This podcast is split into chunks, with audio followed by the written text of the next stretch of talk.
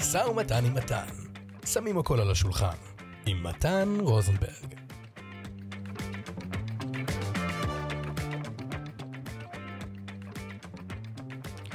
ברוכים הבאים לפודקאסט שלי, משא ומתן עם מתן, אני מתן. אני קוסם למבוגרים, או אומן חושים, איך שתרצו לקרוא לזה. בעיקרון, מה שאני עושה זה מוכר את המופע שלי לארגונים, חברות שעושות אירועים גדולים וקטנים, וגם לאנשים פרטיים שחוגים לילד בר מצווה, או יום הולדת 60 לאימא. אז אם אתם מצטרפים רק עכשיו, וזה הפרק הראשון שאתם מאזינים לו, למה שווה לכם להקשיב לקוסם על משא ומתן? התשובה הפשוטה היא שבזכות הטקטיקות שאני מפרט ואמשיך לפרט בפרקים של הפודקאסט שלי, הצלחתי להכפיל את המחזור ולהוציא הרבה יותר כסף מכל עסקה. מעבר לכסף, הבנתי מתי לא כדאי לסגור עסקה, ושלא הכל כסף בחיים. ולא מה שאתם חושבים, אני לא איזה רוחניק שמסתובב לו ולא צריך את העולם החומרי. יש לי אישה, שני ילדים ובית לפרנס. אז אולי מצבכם קליל יותר ואתם צעיר, צעירים רווקים בלי התחייבויות, או מצבכם במרכאות כבד יותר, יש לכם יותר משני ילדים, שלושה, ארבעה, חמישה, כמה שבא. דבר אחד ברור, אנחנו צריכים כסף. ואם אנחנו רק מביא, מגיעים למצב של break even, זאת אומרת כל ההכנסות מכסות את ההוצאות ולא נשאר שום דבר, או גרוע מכך, אנחנו מסיימים במינוס, אז אין באמת הצדקה לעסק והוא כנראה לא מתקדם לשום מקום. עכשיו, יכול להיות שהבעיה שלכם היא בשיווק, ולא על זה הפודקאסט שלי. ויכול להיות שהבעיה שלכם היא בשירות או במוצר שאתם מוכרים, וגם על זה אני לא מדבר בפודקאסט. אבל אם הבעיה שלכם היא שלקוח מתקשר ואתם לא יודעים לנהל משא ומתן, אז הגעתם למקום הנכון. כשאני מתכוון שכסף זה לא הכל בחיים, אני בעיקר מתכוון כסף זה לא הכל בעסקה. הכסף עלול להיות מפתה, אבל העסקה עלולה להתגלות להיות גרועה בעיקר לך, אתה או את שמאזינים כרגע לפודקאסט הזה, וכנראה לא תהיה גרועה כל כך ללקוח שאמור לשלם לכם. אם העסקה לא טובה לך, אל תסגור. אז הגיע הזמן לנהל משא ומתן, אני מתן. ברגעים אלו, בזמן שאני מקליט את הפרק הזה, ולא משנה מתי תאזינו לו, ישראל במלחמה. מלחמת חרבות הברזל. המון בעלי עסקים נותנים את הנשמה במילואים, או העסקים שלהם פשוט קרסו. או כתוצאה מהמילואים, או כתוצאה מזה שהם הפסיקו לשווק, לפרסם, למכור, כי התחושות קשות. אני לא שופט, אני רוב הסיכויים לא יכול אפילו לדמיין מה עובר עליהם. אולי הם מפונים מבתיהם, אולי הם מכירים מקרוב מאוד מישהו חטוף או חטופה, או מישהו שנפטר, נרצח, ויש חלק שלא הושפעו ברמה הזאת, אבל בתחושות הקשות הכלליות תפסו אותם, הדיכאון והחרדה השתלטו. ואני מציין עובדה, הם יצאו מכושר. במקום כושר לחימה, הם יצאו מכושר מכירה. הם לא זוכרים איך לעשות שיחת מכירה. כי הם פשוט חודשיים לא עשו אחת כזאת. אז בפרק הזה אנחנו נתמקד גם בחזרה לכושר. כושר המכירה. אני אנצל את הפלטפורמה הזאת ואגיד שאני מתפלל לשלום חיילי צה"ל שלנו, שולח תנחומים למשפחות השכולות שאיבדו את יקיריהם בטבח האיום ב-7 באוקטובר, שולח החלמה מהירה ורפואה שלמה לאלפי הפצועים. אני מקווה שיימצא פתרון למפונים ושהם יחזרו לבתיהם במהרה עם תחושת ביטחון אמיתית. ויותר מכל, אני מתפלל שכל החטופים, כל אחד ואחת מהם, יחזרו הביתה עכשיו.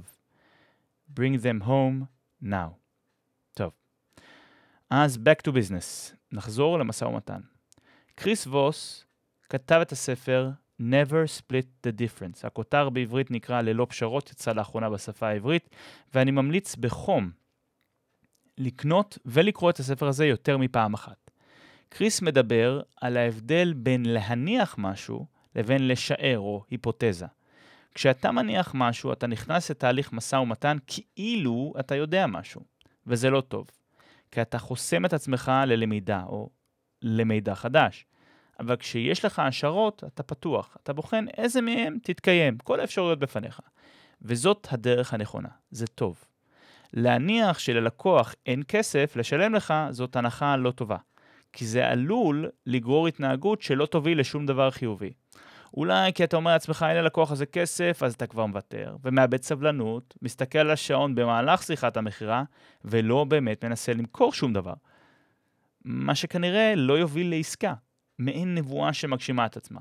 הנחת שללקוח אין כסף, והתייחסת אליו ככזה, וזה גם מה שקיבלת. לקוח שלא מוכן לשלם לך את הכסף שלו, אבל אולי הוא ישמח מאוד לשלם למישהו אחר את הכסף, והרבה ממנו. אם אתה מניח שאתה מדבר עם מקבל את ההחלטות היחידה בשיחת המכירה, וכל האנרגיה שלך מושקעת שם, ואתה מתבדה והיא ממש, ממש לא מקבלת את ההחלטות היחידה, אז כשיגיע השלב שהיא תגיד, אני צריכה לבדוק עם הבוסית שלי, או עם בן זוגי, או עם XYZ, אתה תבין שירית לעצמך ברגל. הדרך הנכונה היא להיכנס עם מלא השערות, ודרך תהליך המשא ומתן לגלות אם הן נכונות או לא. ג'ים קמפ, שאותו אני גם מעריץ ומצטט הרבה, הוא כתב ספר, שאני מצטט ממנו המון, כן? הוא נקרא No, The Only Negotiation System You Need for Work and Home, שלצערי לא יצא עדיין בעברית. בספר ג'ים קמפ מתאר את הרגע, רגע הבהירות שלו, האפיפני מומנט שלו בתחום המשא ומתן. הוא נכנס לחנות ספרים, פתח מילון, וראה שם את ההגדרה למשא ומתן. הנה ההגדרה. תהליך בו שני צדדים, או יותר, מנסים להגיע להסכם, ובו כל אחד מהצדדים רשאי להטיל וטו. זאת אומרת, כל אחד רשאי להטיל וטו על התנאים בהסכם. זאת אומרת, ג'ים קמפ מפרש את זה ככה, לכל צד יש את הזכות להגיד לא. זאת הגדרה נכונה. כי אם לכל צד לא הייתה את הזכות להגיד לא, זאת הייתה פקודה, כמו בצבא, המפקד אומר לך, לך תסתר על הגבעה, ואתה אומר, כן המפקד, זה לא משא ומתן. אני משער שקריס ווס לא היה מתנגד להגדרה הזאת של משא ומתן, אז במה הם כן שונים? קריס ווס וג'ים קמפ, לפחות במה שהם מקדמים בספר, ברמה הפילוסופית נקרא לזה, קריס ווס מסתכל על משא ומתן כתהליך של גילוי, דיסקאברי, כמו הערוץ, דיסקאברי צ'אנל. המטרה אצל קריס ווס היא לגלות על היריב, במרכאות, כמה שיותר מידע ולהיעזר במידע הזה כדי להגיע להסכם, או לא. כי לא כל הסכם טוב בשבילנו, ולא תמיד ניתן להגיע להסכם. לא ניכנס לזה עכשיו, אז בפרק הזה אנחנו נתמקד דווקא בגילוי. איך מגלים דברים סודיים, בין אם זה במחקר על הלקוח, או תוך כדי שיחת המכירה עם הלקוח, שעל זה יותר נדבר עכשיו. מחקר על הלקוח זה יותר להסתכל עליו אונליין, לראות אם יש כתבות ויקיפדיה, לינקדאין, פייסבוק וכולי, כל הריסרצ' שמגיע לפני שיחת המכירה, אבל אנחנו נתמקד היום בשיחת המכירה עם הלקוח. איך חושפים את הקלפים של הלקוח במשחק הפוקר הזה. חלק מהטקטיקות שעליהן נדבר יראו לכם מאוד מאוד ברורות וחלק, וחלקן קצת פחות. אבל מה שחשוב לי בפרק הזה, שיהיה לכם את הכל מסודר, את ה sequence, את הרצף של הדברים. אתם יודעים, פעם קיבלתי ביקורת על זה שאני עובד עם רשימות, עם צ'קליסטים. זאת אומרת, עשיתי את הפעולה הזאת, צ'ק. שאלתי את הלקוח את השאלה הזאת, צ'ק. וי. וי, כן, וי זה check, check. למרות שאני מבין את הביקורת, אני חייב לציין שאני גם מאוד גמיש, ואני גם לא עובד לפי איזה שבלונה. כל לקוח הוא אחר, וכל סגנון תקשורת הוא אחר. לכן, אני לא רובוט. אני כן, במרכאות, מרגיש את הלקוח. רק עם הרשימה, אני יודע גם מה לעשות עם זה. אני כן, חשוב לי לראות ולדעת האם אני מפספס משהו, ואם אני כן מפספס, זה טוב שתהיה לי רשימה מול העיניים, כדי לדעת מה פספסתי. וגם לכם כדאי שתהיה הרשימה הזאת. מוכנים? בואו ניכנס לזה. ההשערה הכי גדולה שיש לנו היא כמה כסף יש ללקוח להשקיע במוצר, בשירות, בחוויה שלכם. אם היינו יכולים לראות את הלקוח, והיה לו מקועקע על המצח הסכום הזה, המספר הזה, זה יכול לפתור לנו המון בעיות, נכון? אם סוג העסק שלכם דורש שיחת מכירה, זאת אומרת, אתם לא מוכרים מוצרים או שירותים דרך האתר אינטרנט, סביר להניח שאצלכם כל מקרה לגופו. כל הצעת מחיר שאתם מוציאים שונה אחת מהשנייה. אצלי, תזכרו, אני קוסם שמופיע באירועים, יש הבדל גדול בין אירוע לאלף איש לבין אירוע ל-20 איש, לבין אירוע שבו אני גם מנחה אותו, לבין אירוע שהתאמתי אישית את כל התכנים בשביל החברה. הצעת המחיר היא אחרת כי אני מחליט שאני מתמחר אותה, כל מופע, קצת אחרת. הצעת המחיר תהיה שונה לכל בן אדם בגדול. איך אני מעלה היפותזות שיאפשרו לי לגלות את הסכום שהלקוח מוכן להוציא מבלי שהתקציב הזה יהיה רשום לו על המצח? איך אנחנו מגלים את הקלפים שיש לו ביד מבלי שהוא או היא יגידו לנו? אולי צריך להיות קוסם בשביל זה, אבל לא באמת. גם אתם יכולים, אפילו אם אתם לא קוסמים. ראשית, לפני שלב הצעת המחיר, לפני שאתם אומרים, זה עולה 5,000, זה עולה 10,000, בום, זה עולה 1,000 שקל.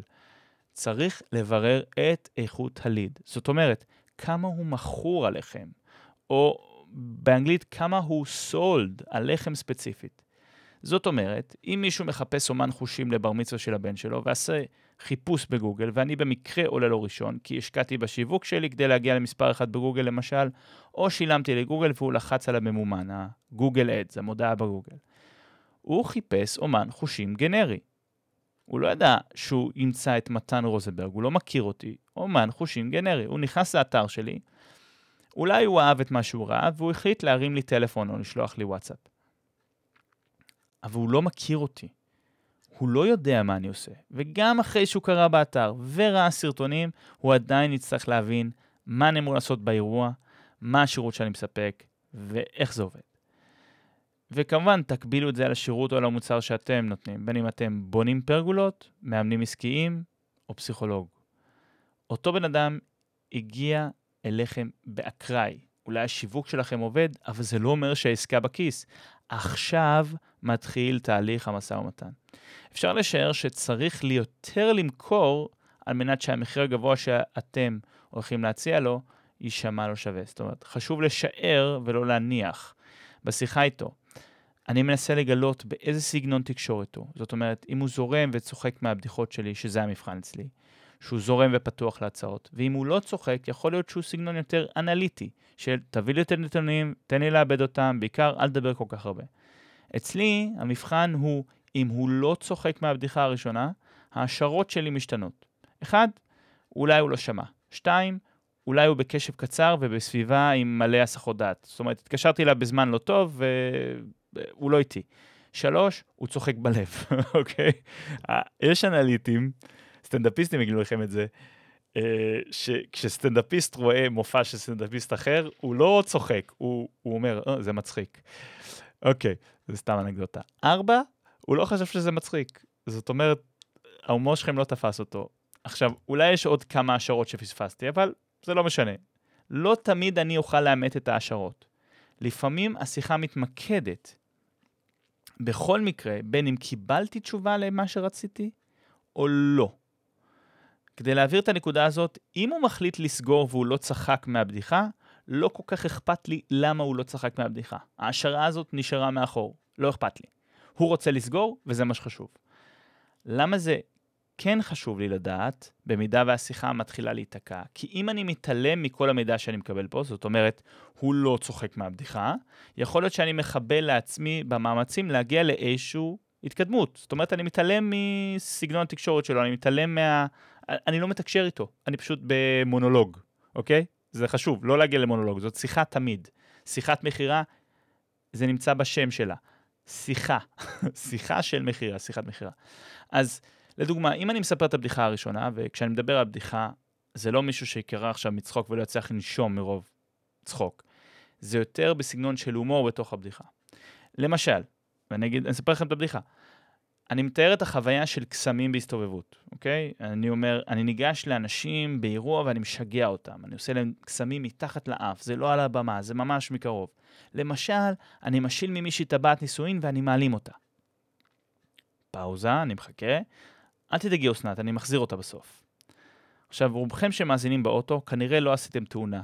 חלילה, מרוב שכמה שצחקתם, נכון? אבל זה כן הומור שבו אני תופס את אסנת מגחכת, צוחקת ואומרת לעצמה, הבחור הזה חמוד, הוא לא לוקח את עצמו יותר מדי ברצינות, והכי חשוב, גרמתי לה לזכור רגע במופע, טבעת נעלמת. עכשיו, זה פילוסופיה שנקראת אה, דיבור ויזואלי, זה מאוד מאוד חשוב. בדרך כלל, אתה משתמש בהומור כדי להמחיש תוצאה מסוימת, או איזשהו סוג של הגזמה. פרסומות עושות את זה מדהים. אם הייתם רואים שואב אבק שיכול לשאוב ברגים ואומים, רוב הסיכויים שלא תצטרכו לשאוב ברגים ואומים, אבל עובדה שהוא מספיק חזק כדי לשאוב דברים כבדים כאלה, יחסית כמו ברגים ואומים, כנראה קטן עליו קרדית האבק הביתית, כן? אז so, ה image זה מה שיוצר אצלנו את הרצון לקנות, או לפחות לזכור את המוצר בראש, ואז כשאנחנו הולכים לחנות, אנחנו זוכרים אותו ורוצים אותו. אחרי השימוש בנוזל רצפות, למשל, הפרסומת אומרת, אתם uh, תוכלו לאכול מהרצפה. עכשיו, האם אתם תעשו פיקניק בבית ותאכלו ישירות מהרצפה? אני בספק. אבל הידיעה שהרצפה כל כך נקייה אחרי השימוש במוצר הזה, שאפשר לאכול ממנה, גורמת לנו שתבינו שזה כנראה מוצר שעושה עבודה טוב, טובה בניקיון של הרצפה שלנו. הבנו? יופי. בואו נחזור למבחן שאני עושה ללקוח. לאותו לקוח, בו אני מנסה להתקדם בשיחת מכירה, אני מספר את הבדיחה הזאת, הזאת עם הטבעת, ואם הוא לא צוחק, אני לא עובר לבדיחה הבאה. אני אומר לו מה הולך לקרות באירוע, שואל אותו שאלות יחסית קרות, כמו כמה אנשים, כמה חברים של חתן הבר מצווה, תאריך, מקום, זמן, ועכשיו אני מגיע למאני טיים. אני חייב לברר האם הוא מקבל ההחלטות היחיד פה. זאת אומרת, אם הוא אומר כן, גם אם זה כן וזה לא כן, אבל אני חייב לדבר עם אשתי, כן, נשמע טוב, שלח לי כמה סרטונים ואני אחזור אליך, ואתה כנראה לא תשמע ממנו בחיים. או כן מתן, בוא נסגור, אבל אז הוא שולח הודעה שהילד לא רוצה אומן חושים בבר מצווה, והילד מחליט. לא יודע מה איתכם, אני בן 35, וכשלי הייתה בר מצווה לפני 22 שנה, לא החלטתי על כלום. אבל היום אני רואה הורים עם ילדים מגיעים ל... מבעוד מועד לאולם אירועים, לטעימות של הבר מצווה שלהם, כאילו זה מינימום חתונה, והילד צריך להחליט מה מתאים, פרגית או אנטריקוט. לי לא היו החלטות הרות גורל כאלה בבר מצווה שלי, אני חייב להגיד לכם. אמרו לי, תגיע ותכניס את החולצה במכנסיים, ואני חושב שגם את זה לא עשיתי. יש תמונות, יש הוכחות. זהו. אנחנו בזמנים אחרים, ואם הילד אומר, אני לא רוצה, זאת סיבה לגיטימית. החשוב הוא לא להגיע לכן הזה. אני תמיד דוגל בלהגיע ללא, להבין את ההתנגדות, לראות מה קורה. אם אנחנו שואלים שאלות שנגמרות בכן, יהיה תמיד אבל. אז אני שואל את השאלות הנכונות כדי שנדע את הכל מראש, אז הנה זה מגיע. אחרי שאני מברר את איכות הליד, שעוד מעט אני גם אתן לכם את מצעד הלעיתים, מצעד הלידים, מפורט בהמשך הפרק, לקראת הסוף, ואנחנו נעשה ממש דירוג של האיכות. אז אחרי שאנחנו מבררים את איכות הליד, זאת אומרת, מאיפה הוא הגיע, במקרה הזה ליד של גוגל, אנחנו נגיע לשלב מקבלי ההחלטות, במידה, אה, זאת אומרת, מי, מי, מי מקבל החלטה פה על, על, על הסגירה של העסקה? האם זה רק הבן אדם שמדבר איתך עכשיו, או שיש כמה, שולחן שלם של אנשים שמדסקסים על האירוע ועל התקציב שהם הולכים להוציא? אני אתן לכם דוגמה מהעולם שלי, אבל זה יכול להיות מהעולם שלכם, תגבילו את זה איך שאתם רוצים. במידה וזה אירוע פרטי, כי אני קוסם, אז uh, אני עלול להעליב את האבא או את האימא אם אני אשאל, ואת לא צריכה לשאול את בעלך, או להתייעץ עם בעלך, או, ומה אשתך אומרת? צורת השאלה הזאת מוציאה מהם את האוטונומיה. הוא או היא עלולים לחשוב, או אפילו להגיד, אני מקבלת פה את ההחלטה. או הוא יגיד, מה זאת אומרת מה אשתי תגיד? אני פה שם את הכסף. וזה לא טוב. עדיף לא לעורר אנטגוניזם בשיחת מכירה. אז הנה איך אני עושה את זה. קודם כל, אני מזהה מי הנפשות הפועלות. זאת אומרת, במידה וזה בר מצווה, זה כנראה אימא או אבא, או אימא ואבא, או אבא ואבא, הכל יכול להיות. עכשיו, אני שואל, מי יתקשר אליי, האימא או האבא? במידה וזה יום הולדת 70 לאימא, ואחת הבנות שלה מתקשרות אליי, מתקשרת אליי, אז אני יכול לשער שהיא לא בת יחידה, רוב האנשים, ויש לה אחים ואחיות. ושהיא כנראה מתחלקת איתם בסכום הזה שעולה להזמין אותי. אז א', כל סכום לא יישמע כל כך יקר אם אתה מחלק אותו ב-2, 3 או 4, כי הנטל הזה מתחלק בין שלושה או ארבעה אחים. והכי חשוב, היא לא מקבלת את ההחלטה לבד. היא חייבת לאשר את זה עם האחים שלה. עכשיו, במידע של האירוע כזה, אני כבר יודע את המידע הזה מראש, או משער אותו, אני מנסה לא להניח את זה על השולחן, אבל אני משער שזה מה שהולך להיות. אמ, דוגמה נוספת, במידה וזה מופע לארגון כלשהו, אני מניח שאותה מנהלת משאבי אנוש תצטרך לאשר את התקציב עם ההנהלה הבכירה, ומשהו יכול להיות, יאבד שם בדרך, מעין טלפון שבור. זאת אומרת, אני עשיתי לה שיחת מכירה מדהימה, ההומור עבד, הכל עבד, אבל היא הולכת עכשיו לקלקל את זה כשהיא מעבירה את זה לבוסים. אז אני מנסה לראות איך אני יכול למנוע את זה. אז בכל מקרה אני ניגש קצת אחרת. אם אני במקרה של uh, בר מצווה, אז האבא או האמא מתקשרים. אז בוא נגיד, האבא מתקשר. אני אומר לו את הדבר הבא.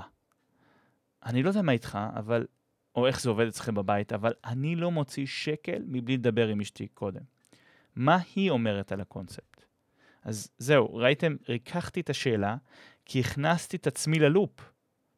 דוגמה מהחיים שלי, ואז הוא לא מרגיש שהוצאתי ממנו את האוטונומיה. הסאבטקסט, ללא הריכוך, עלול להישמע כאילו, מה אשתי קשורה? אני התקשרתי אליך. עכשיו, זה כשאני משער שהם ביחד. מה קורה אם ההורים גרושים? זה כנראה יעלה בשיחה. כי יש משהו מדהים. זה הקונספט אחד מהמדהימים שיש, שקריס ווס מדבר עליו כל הזמן. משהו מדהים שיש לבני אדם. זה הרצון לתקן מידע לא נכון. אם אתה משער שהם ביחד, ואתה שו... מוציא את זה ככה, אני לא יודע מה אצלכם, אבל אני לא מוצא שיקל מבלי שאשתי תאשר, הוא מיד יגיד, לא, אנחנו גרושים ואני משלם את זה. הוא לא ישאיר אותך, או משהו כזה, כן? הוא לא ישאיר אותך עם הרושם שהם ביחד למרות שהם גרושים, זה חזק ממנו. הוא לא, הוא לא, אה, כן, אה, הוא יגיד, לא, לא, אנחנו גרושים. הוא חייב להגיד את המידע הנכון. אתה שיערת שהם ביחד, הוא יגיד לך, אנחנו גרושים. זה חזק ממנו. אם הוא לא מגיב למשפט, אה, כמו, אני לא יודע מה איתכם, אבל אני לא מוציא שקל מבלי לצאת עם אשתי וכולי, אני יכול להוסיף, תרצה שלפני שאני אגיד לך כמה זה עולה, נעלה אותה על הקו, או נתאם שיחה חוזרת כששניכם יכולים לדבר, וככה אולי נמנע טלפון שבור. אני פותח את הכנות, זה השיטה הכי טובה, אני כנה. אני אומר להם, אני, אני חושש שיהיה טלפון שבור כשאתה הולך לדבר עכשיו עם אשתך בשיחת המכירה שלי. אני חושש מזה. מה אני יכול להגיד לך? אז אני מנסה לרכך את זה ולהגיד, אולי ככה נמנע טלפון שבור? עכשיו, יכול להיות שכן, שהוא יגיד כן, יכול להיות שהוא יגיד לא. אנחנו רק משערים, אנחנו לא מניחים שום דבר, זה חשוב. אם אישה אגב, על אחת כמה וכמה, כי רוב הניסיון שלי בשיחות המכירה זה עם נשים, מנהלות משאבי אנוש, זה, מהניסיון שלי אני עושה את זה 17 שנה, 90 אחוז נשים, אה, רוב, רוב האימהות מתקשרות אליה לבר מצווה לעומת אה, אבות, אז על אחת כמה וכמה אני הולך פה על קליפות ביצים, כי הקונוטציה עלולה להיות סקסיסטית או שוביניסטית. זאת אומרת, היא יכולה לענות לך, סליחה, מה, אני צריכה אישור מבעלי? אז כן, זאת עלולה להיות סיטואציה לא נעימה. אבל להוציא את המקבלי ההחלטות זה סופר חשוב. זאת אומרת, הם צריכים מאוד להיות עדינים עם הדבר הזה. אה, כמו שהראיתי עם הדוגמה עם האבא. אה, אחרת אין באמת עסקה. כאילו, אם אתם לא מוציאים את מקבלי ההחלטות, אין עסקה.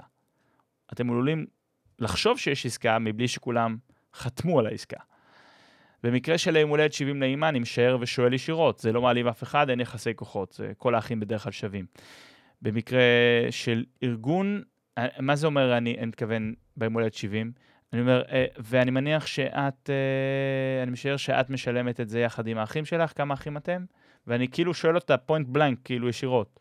ורוב הסיכויים שהיא תענה לי, מהניסיון שלי. במקרה של ארגון, חברה, אני יכול לשאול גם ישירות, זה צריך לעבור אישור מנכ"ל או של מחלקת כספים? עכשיו, שמתם לב באיזה טכניקה השתמשתי? זו טכניקה שאני מגדיר, אני לא יודע אם זה, היא נקראת הצורך לתקן פלוס double bind. הצורך לתקן double bind. Double bind, או אה, אה, איך זה נקרא? binding זה אומר כפייה, לא כפייה, אה, שאתה קושר מישהו. קשירה כפולה, double bind. Double bind זו טכניקה מעולם המכירות, שהיא אגב פסולה בעיניי, אבל אם שמים את זה בהקשר, להסביר לכם קודם כל מה זה double bind, ואז אני אגיד לכם מה הרצון לתקן double bind, כאילו החיבור ביניהם. אם שמים את זה בהקשר של שלב התשלום, תמיד אה, זה קרה לכם. אה, זו טכניקה שאומרת, תיתן אופציות, שתי אופציות, שהנחת היסוד היא כן. למשל, איך תרצה לשלם, אשראי או מזומן? ה double bind הוא bind. אני קושר אותך לאפשרות שאתה הולך לשלם. אתה הולך לשלם על המוצר הזה. ואני מסיח את דעתך עם האפשרויות של שיטת התשלום. זאת אומרת, הנחת היסוד שלי היא שאתה משלם, זה, אין, אין על זה ערעורין. עכשיו, רק איך אתה משלם, אשראי או מזומן. זאת חוצפה, כן? כאילו, אני, עושים עליי טכניקה הזאת, מי אמר שאני משלם? עכשיו, עוד משתמשים בזה בשירות לקוחות של חברות הכ- הכבלים והסלולר.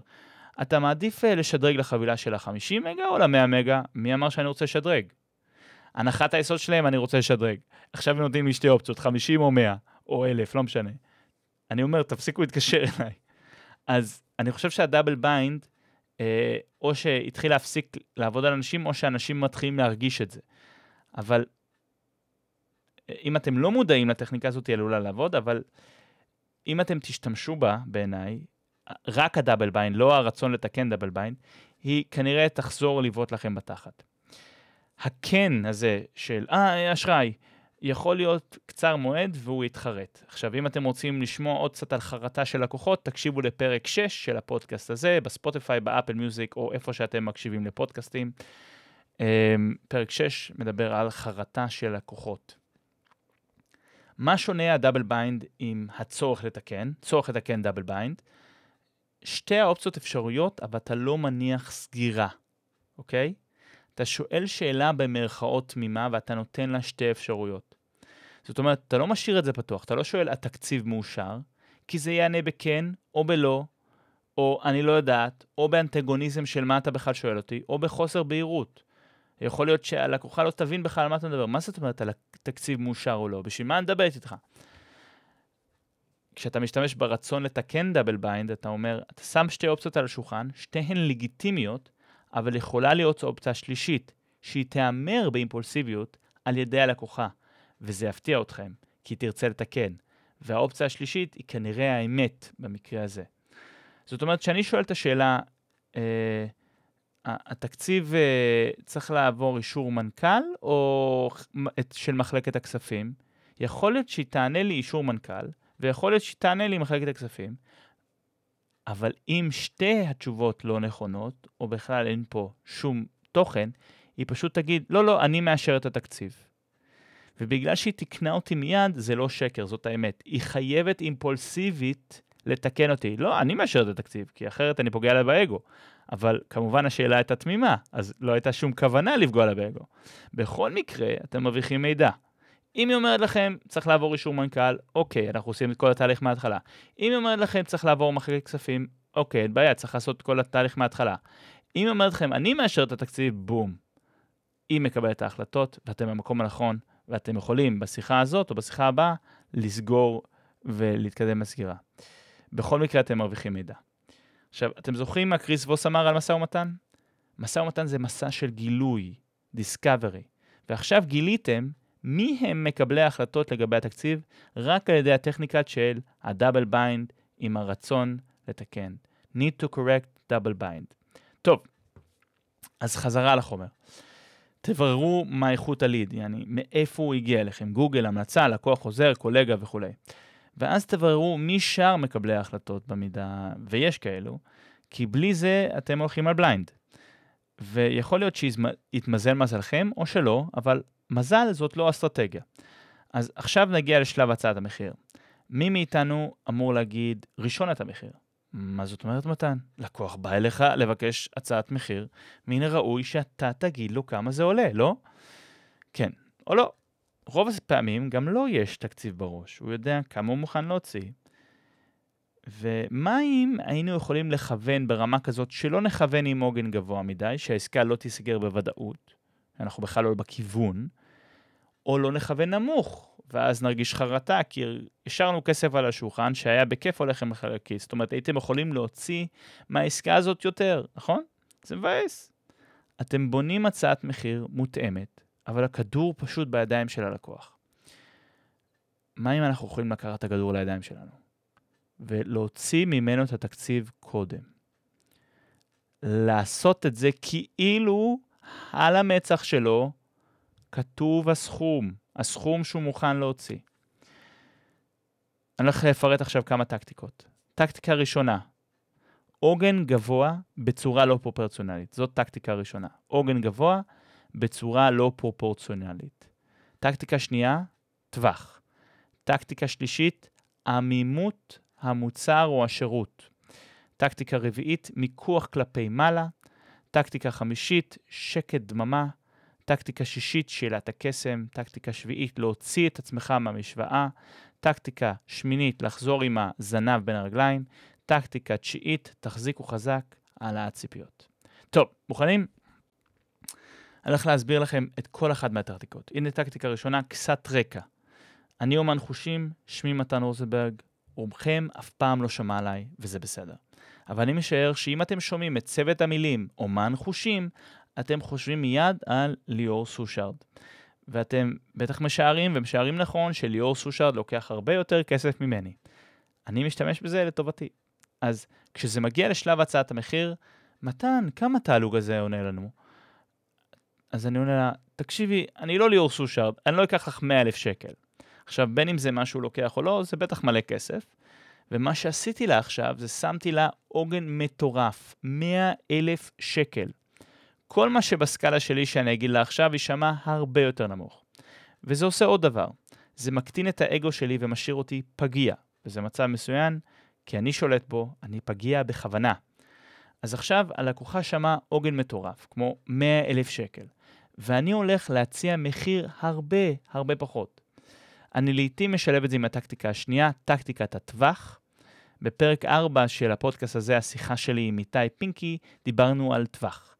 ומה שזה אומר זה שאתה בעצם אומר ללקוח טווח מחירים ולא את המחיר. זאת אומרת, מופע שלי עולה בין 5,000 ל-8,500. עכשיו, פינקי טוען, ואני נוטה להסכים איתו, שכשהטווח נאמר בעל פה ולא בהצעת מחיר כתובה, הלקוח נהיה חירש לטווח העליון ושומע רק את הטווח התחתון. זאת אומרת, הוא לא שומע את הטווח העליון, הוא רק שומע 5,000. אבל 8,500 נותן ל-5,000 להישמע נמוך יותר. אז מה שהטווח עושה, זה יוצר עוד עוגן. אז הטקטיקה הראשונה, עוגן מטורף, יחד, יחד עם הטקטיקה השנייה, עוגן יותר הגיוני, שזה הטווח, יוצרים פרופורציה למחיר שלך, שהמחיר בעצם הוא 5,000. אבל אם הייתי מטיל את המכה מיד ואומר 5,000, זה לא היה נשמע אותו דבר, והלקוח היה מקבל את זה פסיכולוגית אחרת. עכשיו, טקטיקה שלישית זה עמימות המוצר או השירות. מה שאנחנו מוכרים יכול להימכר בחבילות, המופע שלי יכול להיות מועבר בזום, בחי, אחד על אחד, בין השולחנות, על הבמה, אני יכול להנחות את האירוע. כמה זמן המופע? יכול להיות 20 דקות, חצי שעה, 40 דקות, 5 דקות, 15 אה, דקות, שעה וחצי. מה כל זה אומר?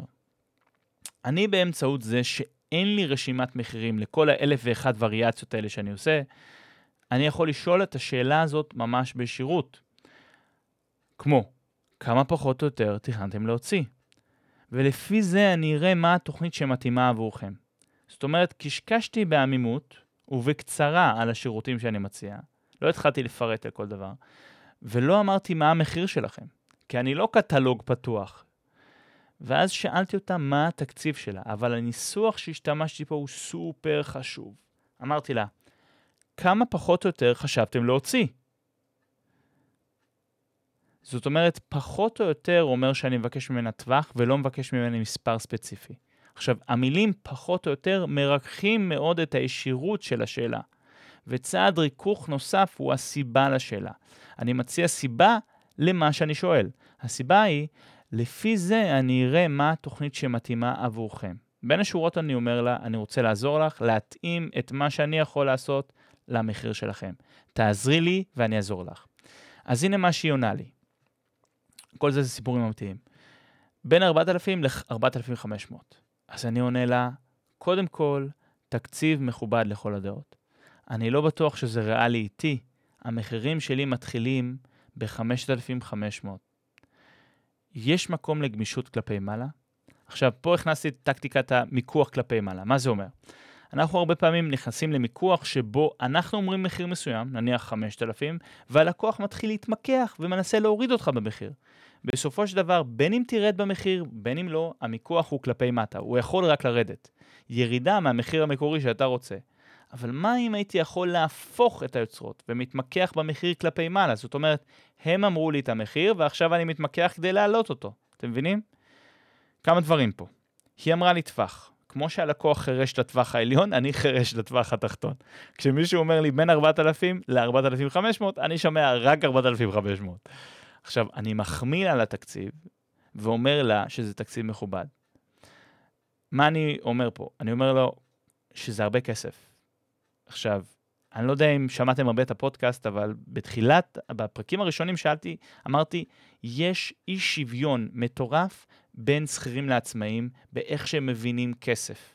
שכיר מקבל משכורת אחרי שירדה לו את הפנסיה, את הקרן השתלמות, את, ה, את המיסים שלו, ועם זה הוא עושה מה שהוא צריך לעשות. משלם את השכר דירה, את המשכנתה, אוכל וכולי.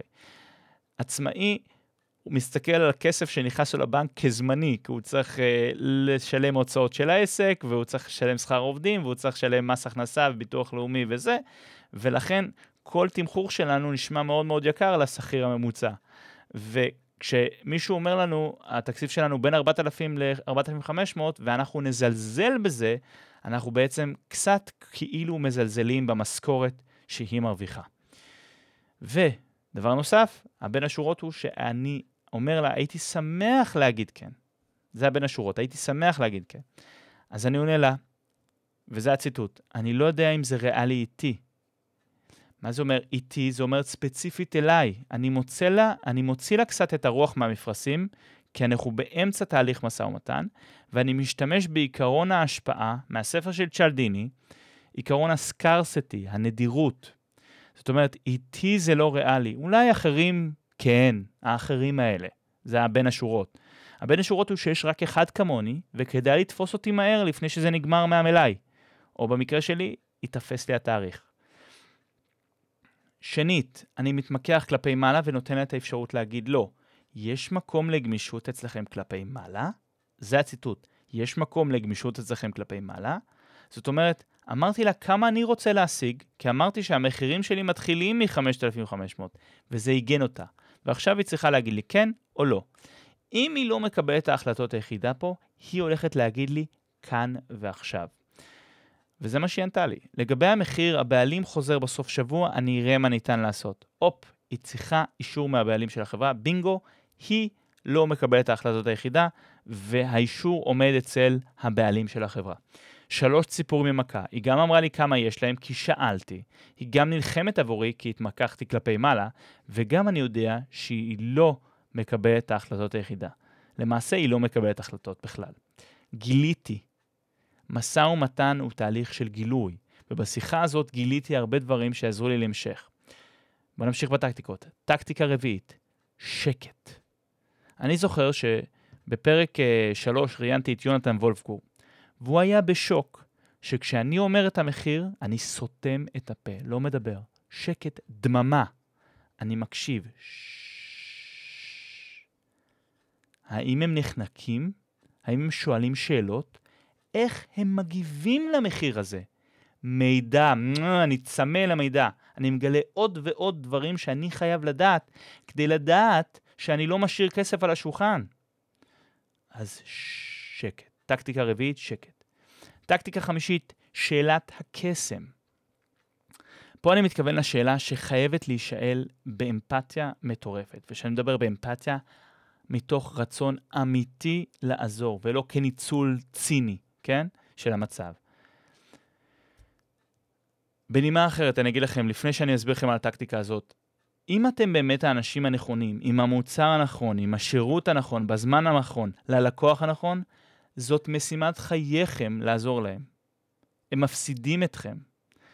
זאת אומרת, לפעמים, אם אתם באמת רוצים את העסקה ואתם מוכנים לרדת קצת במחיר, עכשיו, אם, אם אין עם זה בעיה, ואם יש עם זה בעיה, אז אל תעשו את זה. עכשיו, כשהם מבקשים הנחה, ואתם נותנים להם הנחה, ואז הם, או, oh, צריכים לחשוב על זה, היכונו למכה נוספת, mm, עוד הנחה. אז החוק שלי הוא שלא נותנים הנחה עד שאנחנו לא יודעים עד כמה ההנחה שאנחנו ניתן להם תעזור להם. זאת אומרת, אם אני אמרתי 5,000 שקלים, ולה יש 2,500, עכשיו, אני לא יודע את זה עדיין, היא לא אמרה לי 2,500, אבל היא ביקשה הנחה. אם אני אגיד לה, אני אתן לך 1,000 שקל הנחה, היא תגיד, אה, לא, זה עדיין יקר לי. זאת אומרת, גם הורדתם 20% מהערך שלכם בלי הבטחה או שום הדדיות מהצד השני, ביוזמתכם, וקיבלתם כלום, אפס, נאדה. זאת טעות, טעות חמורה. שאלת הקסם, שאני הולך להגיד לכם עכשיו, אני יודע, אני מחזיק אתכם במתח, הולכת לעזור לכם לעשות זה נכון. אתם משתמשים בטקטיקה הרביעית, שקט, ואחרי השקט תבוא הסערה, כמו זה ממש שקר לנו, או וואו, זה לא מה שחשבתי, או וואו, זה לא בתקציב, או כל וריאציה אחרת כזאת. משא ומתן זהו מסע, מסע של גילוי. גילינו פה משהו חשוב, שיש לה תקציב, יש לה מספר בראש, והמספר שלך נשמע לה יקר. אז אתה שואל אותה את שאלת הקסם, באמפתיה. אוי, בכמה חרגנו? עכשיו, שוב, זה חייב להישאל באמפתיה, אם אתם באמת רוצים להגיע לעמק השווה. ותאמינו לו, הם פשוט אומרים לכם. הם אומרים לכם את המספר. ועכשיו אתם מתמודדים עם זה. אם אתם רוצים, תבדקו בתקציב שלכם הפנימי.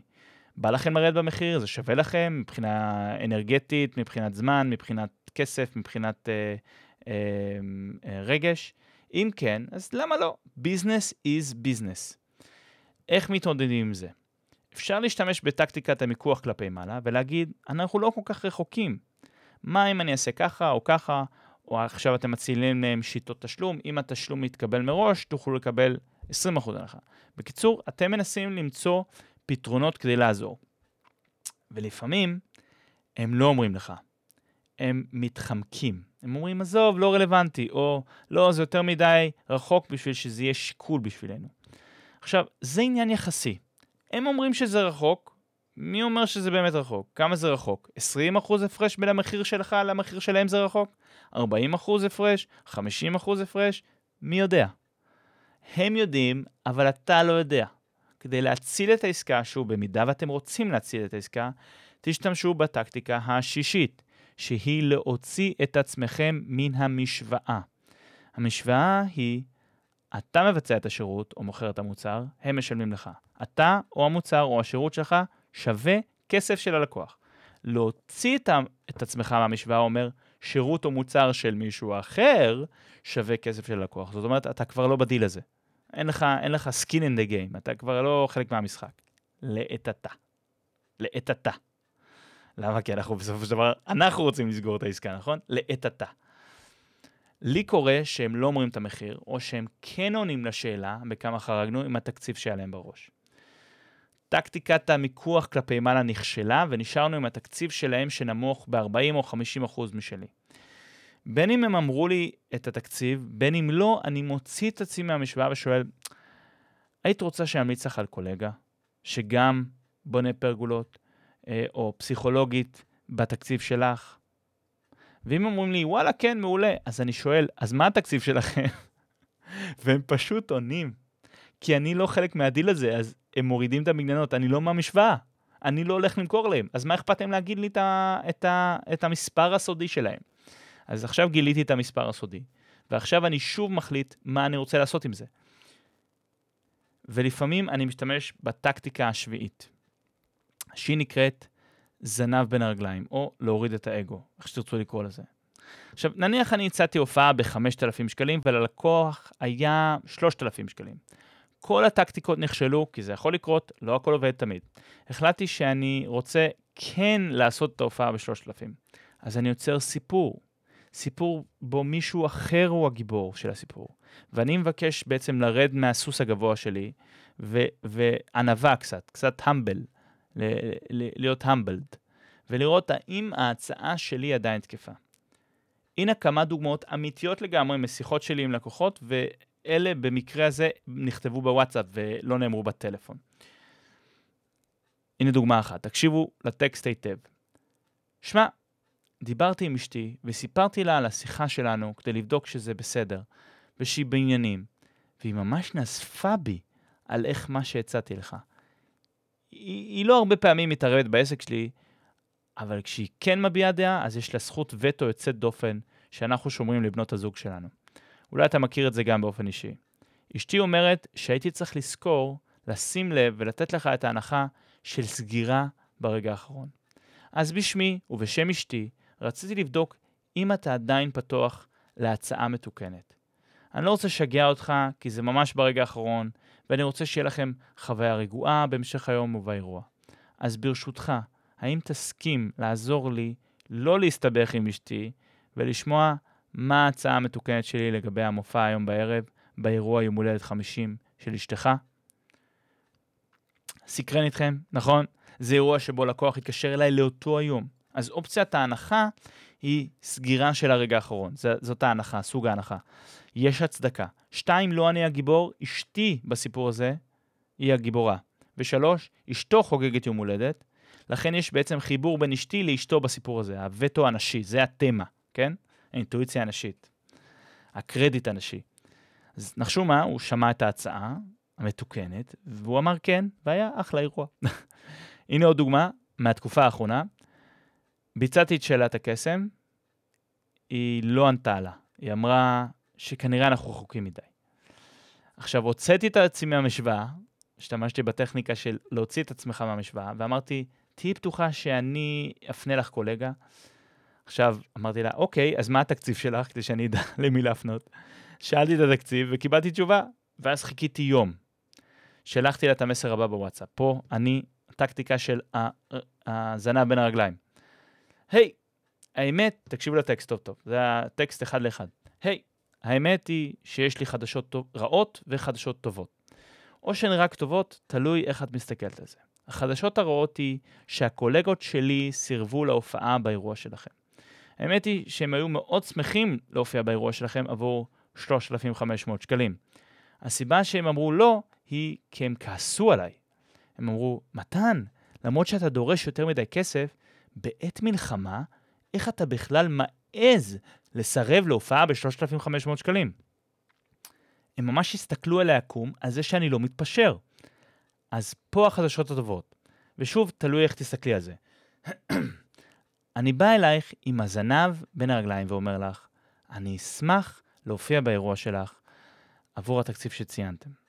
אם מה שאני אומר פה הגיוני, אשמח שנדבר שוב ונראה איך מתקדמים. במידה ולא, זה גם בסדר להגיד לא. אז פה השתמשתי קצת בהומור, קצת בקופי רייטינג טוב, הצדקה להנחה, זמן מלחמה. הגיבור, זה הגיבורים בעצם, החברים שלי, הקולגות שלי שדואגים לי לפרנסה, וגם הזמנה להגיד לא. זאת אומרת, אני לא רוצה שהיא תגיד לי כן, כי היא תרגיש לא נעים, ואז תיעלם, לא תחתום על החוזה, תעשה כן, אבל. אה, XYZ. אז אני משאיר את ההזמנה להגיד לא במשפט הבא. אם מה שאני אומר פה הגיוני, אשמח שנדבר שוב ונראה איך מתקדמים. במידה ולא, זה גם בסדר להגיד לא. וגם היא סגרה. הטקטיקה השמינית והאחרונה, אני חושב שטעיתי בדירוג בהתחלה, אבל לא משנה, שמו, שמונה טקטיקות. הטקטיקה השמינית והאחרונה, לזמן כתיבה זה, כי יכול להיות שיעלו להיות בראש בפרקים הבאים, היא בעצם חיזוק של הטקטיקה הרביעית. אתם מבינים? הטקטיקה הרביעית זה שקט, ממש. מטיל את הפצצה. אני יכול להוריד את הפצצה בלי הכנה מוקדמת בכלל, או הטקטיקה השמינית זה מה שנקרא set the stage, להכין את הבמה לעלייה של הכוכב. ואני עושה את זה עם הומור והעלאת ציפיות. אני אומר לה, אפרת, את רוצה לדעת כמה זה עולה? היא עונה, כן, אני אשמח לדעת. אבל תקשיבי, אפרת, הייתה שיחה כל כך נעימה, אני מפחד שאם את תשמעי את המחיר הזה עכשיו, לא נוכל להישאר ידידים. את תבטיחי לי שגם אחרי שאני אומר את המחיר, נוכל להישאר ידידים? כן. את בנהיגה עכשיו, תוכלי לעצור בצד, אני לא רוצה שתעשי תאונה. עכשיו, פה היא כבר מתחילה לצחוק. הכנתי את הבמה. ועכשיו אני מוציא את המכה וסותם את הפה, שקט, דממה, לא מדבר, שומע את התגובה שלה. כל תגובה פה אומרת לי משהו שעוזרת לי בגילוי. בדיסקאברי, בדיסקאברי צ'אנל. אם אין לה בעיה לשלם, האגו שלה ישתלט ויגיד, זה הכל? באמת? מעולה. זאת אומרת, הסכום שציינתי לא גבוה בשבילה, כי כסף זה הכל יחסי. והיא גם תדאג להגיד לך את זה, need to correct, הצורך לתקן. אז זה מעולה, כי האגו שלה בעצם חשף את הקלפים שלה, שהקלפים שלה הם, אין לה בעיה לשלם את מה שאני מבקש, עכשיו בואו נשתמש בעיקרון העקביות. עיקרון העקביות גם מהספר של צ'לדיני, שאני ממליץ לכם מאוד לקרוא, נקרא Influence של רוברט צ'לדיני. אה, בטוח, אני חושב, נקרא השפעה אה, בעברית. אז עקרון העקביות, בואו נשתמש בזה אה, נגדה. היא אמרה כן, שהכסף לא פקטור, אז היא כנה, כי האגו שלה ייפגע אם היא לא תהיה כנה. אז כל התנגדות נוספת מעבר לזה לא תיפתר על ידי הנחה. זאת אומרת, אם אתה תיתן לה הנחה, זה לא יפתור את ההתנגדות, זה לא יקדם את הסגירה. והעקביות הוא שאם היא כן מבקשת הנחה, אתה יכול להגיד לה, אבל אמרת שיש לך את התקציב הזה. אז היא תרצה להישאר עקבית, וזה שהיא מבקשת הנחה, גורם לה לא להישאר עקבית. אנשים חייבים להישאר עקביים, אחרת הם בדיסוננס קוגניטיבי. הם ממש בהתנגשות בין שני הערכים במוח שלה. עכשיו, אפשר להמשיך את התהליך, ואז זה לא אומר שהיא סוגרת, כי כסף זה לא הכל בחיים, אבל לפחות משהו אחד גילינו בוודאות, וכשנמשיך את התהליך, אנחנו נגלה עוד ועוד. כי משא ומתן זה תהליך של דיסקאברי, גילוי. עכשיו, הבטחתי שאשאיר אתכם עם רשימת איכות הלידים בשביל שיהיה לכם הכל קומפלט ככה. בסדר יורד של הכי פחות איכותי עד הכי איכותי. 1. ליד שעשה לכם גוגל. 2. ליד שקיבל עליכם המלצה חמה. למשל, אה, ביצעת מהפך במישהו. אם את פסיכולוגית או מאמנת כושר, עושה לק ג'ל או מעצבת שיער, יש את התמונה before, after, יש את הלק ג'ל המהמם שעשית, וחברה רוצה גם, קיבלה המלצה. שלוש, ליד שראה את ההופעה. אה, נגיד במקרה שלי זה ברור, אני מופיע מול קהל, אבל אם אתם מקשיבים לפודקאסט ואתם מרצים או, או מופיעים או וכולי, יש אנשים בקהל שלא הזמינו אותי למופע. אלא הם רק היו נוכחים בהופעה שלי. יש לקוח אחד שהזמין אותי. והם רוצים גם את המופע. אז הם רוצים גם את המופע כשהם מתכננו את האירוע שלהם. אז יכול להיות שהם יתקשרו אליכם עוד חודשיים, שלושה, ארבעה, חצי שנה, שנה, שלוש שנים, והם ראו את המופע, הם זוכרים אותך לטובה. בוא נגיד במקרה של מישהו שמוכר מוצרים, אה, בעל העסק מוכר את המוצר, ומישהו היה בבית של מישהו שקיבל את המוצר. נגיד אה, הוא קנה גריל נינג'ה, אז uh, ראה כמה טוב זה מכין סטייק, והוא אומר, גם אני רוצה.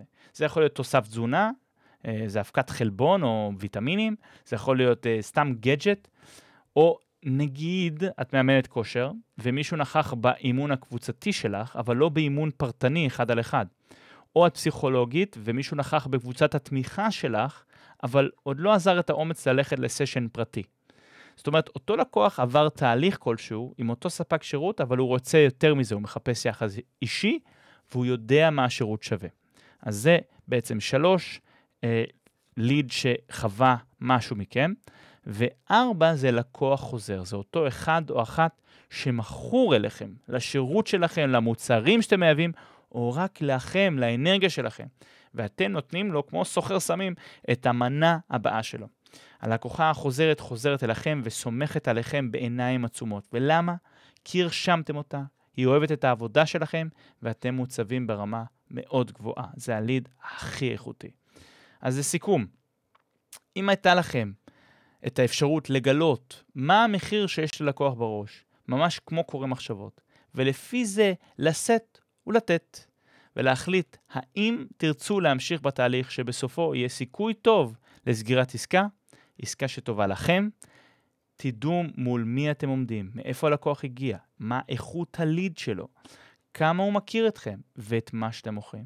ותשתמשו באחד משמונה הטקטיקות שציינתי, או שילוב של כמה מהן, שהן עוגן גבוה בצורה לא פרופורציונלית, אה, עמימות המוצר, טווח, מיקוח כלפי מעלה, שקט דממה, שאלת הקסם, להוציא את עצמך מהמשוואה, לחזור עם הזנם בין הרגליים, ו/או העלאת ציפיות. ואל תשכחו את ה-double bind need to correct. Double bind need to correct, הרצון לתקן double bind. שמרו על עצמכם ותמשיכו לשווק ולמכור, תניעו את הכלכלה ותשמרו על הפרנסה שלכם. זה חשוב לכם, למשפחה שלכם, למדינה ולעם ישראל. שלכם, מתן.